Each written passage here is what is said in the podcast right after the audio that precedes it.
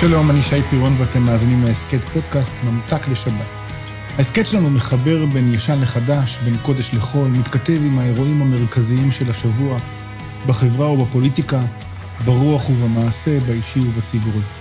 עוד הסכת מבית פנימה הסכתים, האזנה ערבה.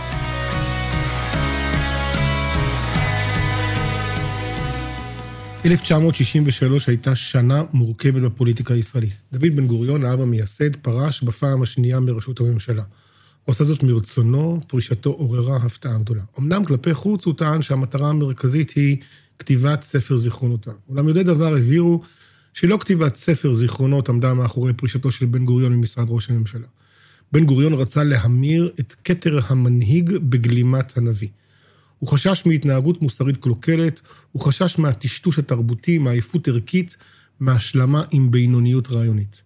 כתיבת ספר הזיכרונות הייתה סיפור כיסוי. המטרה הייתה גדולה יותר, הוא רצה לשמר את הרעיונות הגדולים שלשמם ובשמם קמה מדינת ישראל. ולתודעת הקלקול של בן גוריון, לצורך הפנימי בתפירת גלימת הנביא, קדמה פרשה אחת, פרשת עסק הביש. נזכיר, בראשית שנות ה-50 ישראל הכשירה והפעילה חוליית מודיעין שהורכבה, רובה ככולה, בידי יהודים תושבי מצרים.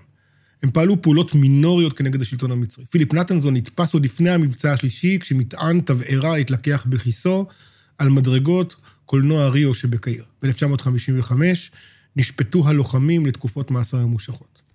עם תום המשפט החלו להישמע קולות הדורשים הקמת ועדת חקירה. הנה, ממליץ לכם לקרוא את ההגדרה של המבצע באנציקלופדיה העברית. המילים עמומות, אך נדירות בחומרתן. מהו מבצע עסק ביש?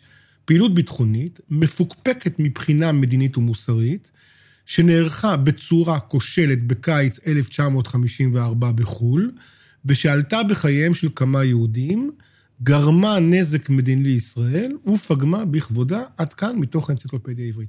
ישעיהו ליבוביץ', העורך של האנציקלופדיה, טען שהנוסח הזה עוד עודן משהו עקב לחץ הצנזורה. החל משנת 1960 נרתם בן גוריון למאבק למען הקמת ועדת חקירה. הוא לא הסכים לקבל את הכרעת ועדת השרים שחקרה את האירועים והחליטה לזכות את שר הביטחון דאז, פנחס לבון. לא, בן גוריון לא חיפש את הראש של לבון. להפך, שנים רבות הוא ראה בו יורש ראוי, אבל הוא לא יכל להסכים עם הכשל המוסרי, עם הכשל הערכי. הוא לא היה מוכן להסכים לדבר שקר היוצא מפי מנהיג רק כדי להציל את עצמו. הוא ביקש שלבון יהיה דוגמה לאזרח חלוצי. הוא טען שמי שרוצה לתאר את שמו יעשות זאת באמצעות מוסדות המדינה ולא באמצעות אמצעי התקשורת. הוא ראה בכך התפתחות מסוכנת של מה שקרא לו קרייריזם. ואם לא די בכך, הוא פחד מעוד דבר, מתרבות של שקט תעשייתי. כל אלה הובילו אותו לפרישה.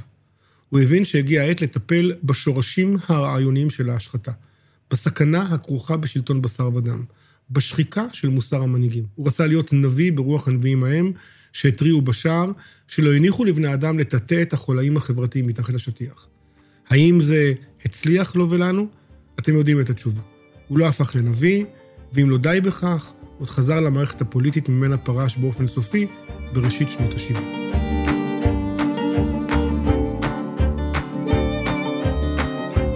בשבת שעברה קראנו בפרשת יתרו. אלה היו רגעים של התרוממות נפש. המעמד מסביב להר סיני, האחדות, כאיש אחד בלב אחד, הבהירות של הצווים שרטטה את איכות החיים המוסרית בשפה שאינה משתמעת לשתי פנים. היא כללה הקפדה על ערך חיי האדם, לא תרצח, על החובה לשמור על הרכוש ועל המרחב האישי של הזולת, לא תגנוב, על האיסור לחמוד, האיסור לנאוף, האיסור לטפול אשמה על הזולת, לא תענה ברעך את שקר, ואם לא די בכך, היא הבהירה שאין להתחבא מאחורי השם של האל, שהרי דברים נוראים נעשו בשמו של האל הגדול, הגיבור והנורא, לא תישא את שם אדוני אלוהיך לשווא. וגם, וגם שאין לעבוד בני אדם ולהשתמש בהם כאלוהי מסכה. שבוע חלב, וכמעט מאיגרא רמא לבירא עמיקתא, מהר גבוה לבור עמוק. מהר סיני בכלליו מלאי ההוד לדיני עבדים, דיני נזיקין, ריבית, שאילה והשאלה, דיני השומרים, שומר שכר ושומר חינם, בעצם דיני האחריות ומה לא.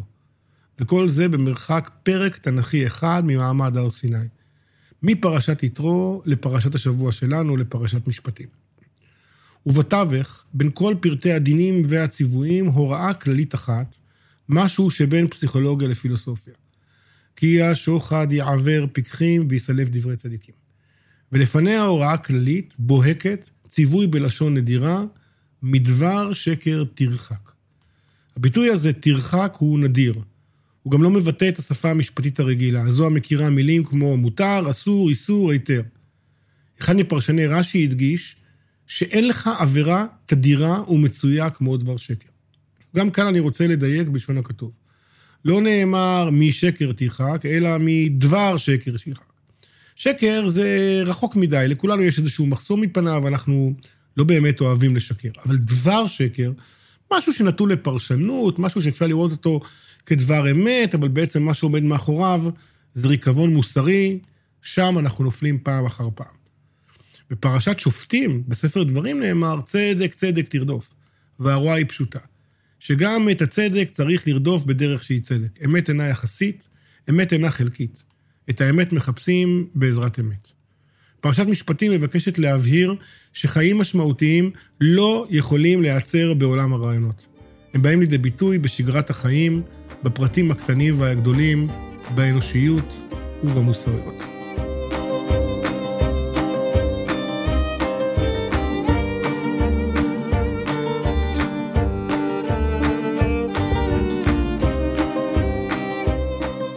חקירת משטרה צריכה להיעשות באמת. צדק, צדק תרדוף. וגם פוליטיקאים צריכים לבקש צדק. צדק, צדק תרדוף. מערכת המשפט צריכה להביא צדק בדרכים של צדק. עסקאות טיעון עם כל אדם נועדו להקל על המערכת, לסיים תהליכים סבוכים שיעלו מיליוני שקלים בדרך של הסכמה. יש בה בעסקת הטיעון הרבה היגיון, והיא כלי נדרש לניהולה של מערכת משפטית ולקיומה הסביר של המדינה. אבל היא מסוכנת אם היא מנוגדת לצדק, והיא עוד יותר מסוכנת אם הפלטפורמה של עסקאות טיעון גורמת לנו לחשוב שהן עושות צדק, או שאפשר לוותר על הכמיהה לצדק. בראשית המאה ה-20 פעל בירושלים הרב דוד כהן, הרב הנזיר. איש מופלא יוצא דופן, נשמה של פעם בדור. רצונו הגדול היה חידוש תכונת הנבואה. הוא נהג בעצמו מנהגי נזירות, כאיש שתיית יין וגידול שיער, במנהגי פרישות נוספים כמו צמחונות ושתיקה מרובה שגזר על עצמו בעיקר בשבתות ובארבעים הימים שבין תחילת חודש אלול ליום הכיפורים. עם זאת היה חוקר, פילוסוף ובקיא בשפות בהן יוונית, לטינית, אנגלית, גרמנית וצרפתית. לצד הקדושה הגדולה נהג לארח עניים וגלמודים על שולחנו. ביתו שימש מקום מקלט ללוחמי המחתרות, מקום מפגש לחברי ברית החשמונאים. אני הכרתי אותו מכלי שני, דרך גדולי תלמידיו. היו להם דמויות מופת רבות מהן למדו, אבל אף אחד מהם לא הצית ברק בעיניהם כמו הרב הנזיר. מה ראה הרב הנזיר בחידוש הנבואה? השבוע קראתי ספר נפלא, בן גוריון אפילוג, שכתב אבי שילון. לא מעט מהספר מוקדש לכמיהה הנבואית של בן גוריון. מה בין זו של בן גוריון לזו של הנביא? על פניו אין קשר, אבל אולי גם הנזיר וגם בן גוריון הבינו שבלי נבואה ניפול לבור הרעיונות של עצמנו. בלי יכולת לצאת החוצה אל מחוץ למעגל החיים, אל מקום של צדק צדק, אל דרישת אמת לא מתפשרת, אל נכונות עמוקה להתמסר לרעיונות שלשמם באנו ובשמם אנו מדברים, פשוט נתרסק. הנבואה שעליה דיבר הנזיר, והנבואה שעליה דיבר בן גוריון, אינה צפיית העתיד. יש שופטים בירושלים, יש מנהיגים בפרלמנט, יש אנשי רוח בישיבות ובאקדמיה, יש גם מדענים ורופאים, אבל חסר לנו נביא. ישראל אלדד ניסח זאת בשפה נוקבת ובהירה. נביא, הוא אמר, איננו איש היודע את העתיד. נביא הוא איש היודע את ההווה, אך יודע את כל ההווה לעומק ולרוחב. מי, חברים, מי יעטה גלימה של תום ותואר, של יושר וצדק, של בקשת אמת? מי יהווה מראה לחברה הזקוקה לחשבון נפש מוסרי? לי חסר נביא ישראלי. תם ולא נשלם, לך תעמוד פרק בעולם. אני אמצא לי אור קטן, אני אמצא תקווה קטנה באפלה. תודה שהאזנתם לעוד פרק של ממתק לשבת מבית פנימה. תודה לחברי המערכת אורי עפרוני וליאור טל שדה. תודה לדין כץ ריטוב על הביצוע הטכני, לאילי בוטנר וילדי החוץ על הרשות להשתמש בשיר הנפלא. תם ולא נשלם. שבת שלום.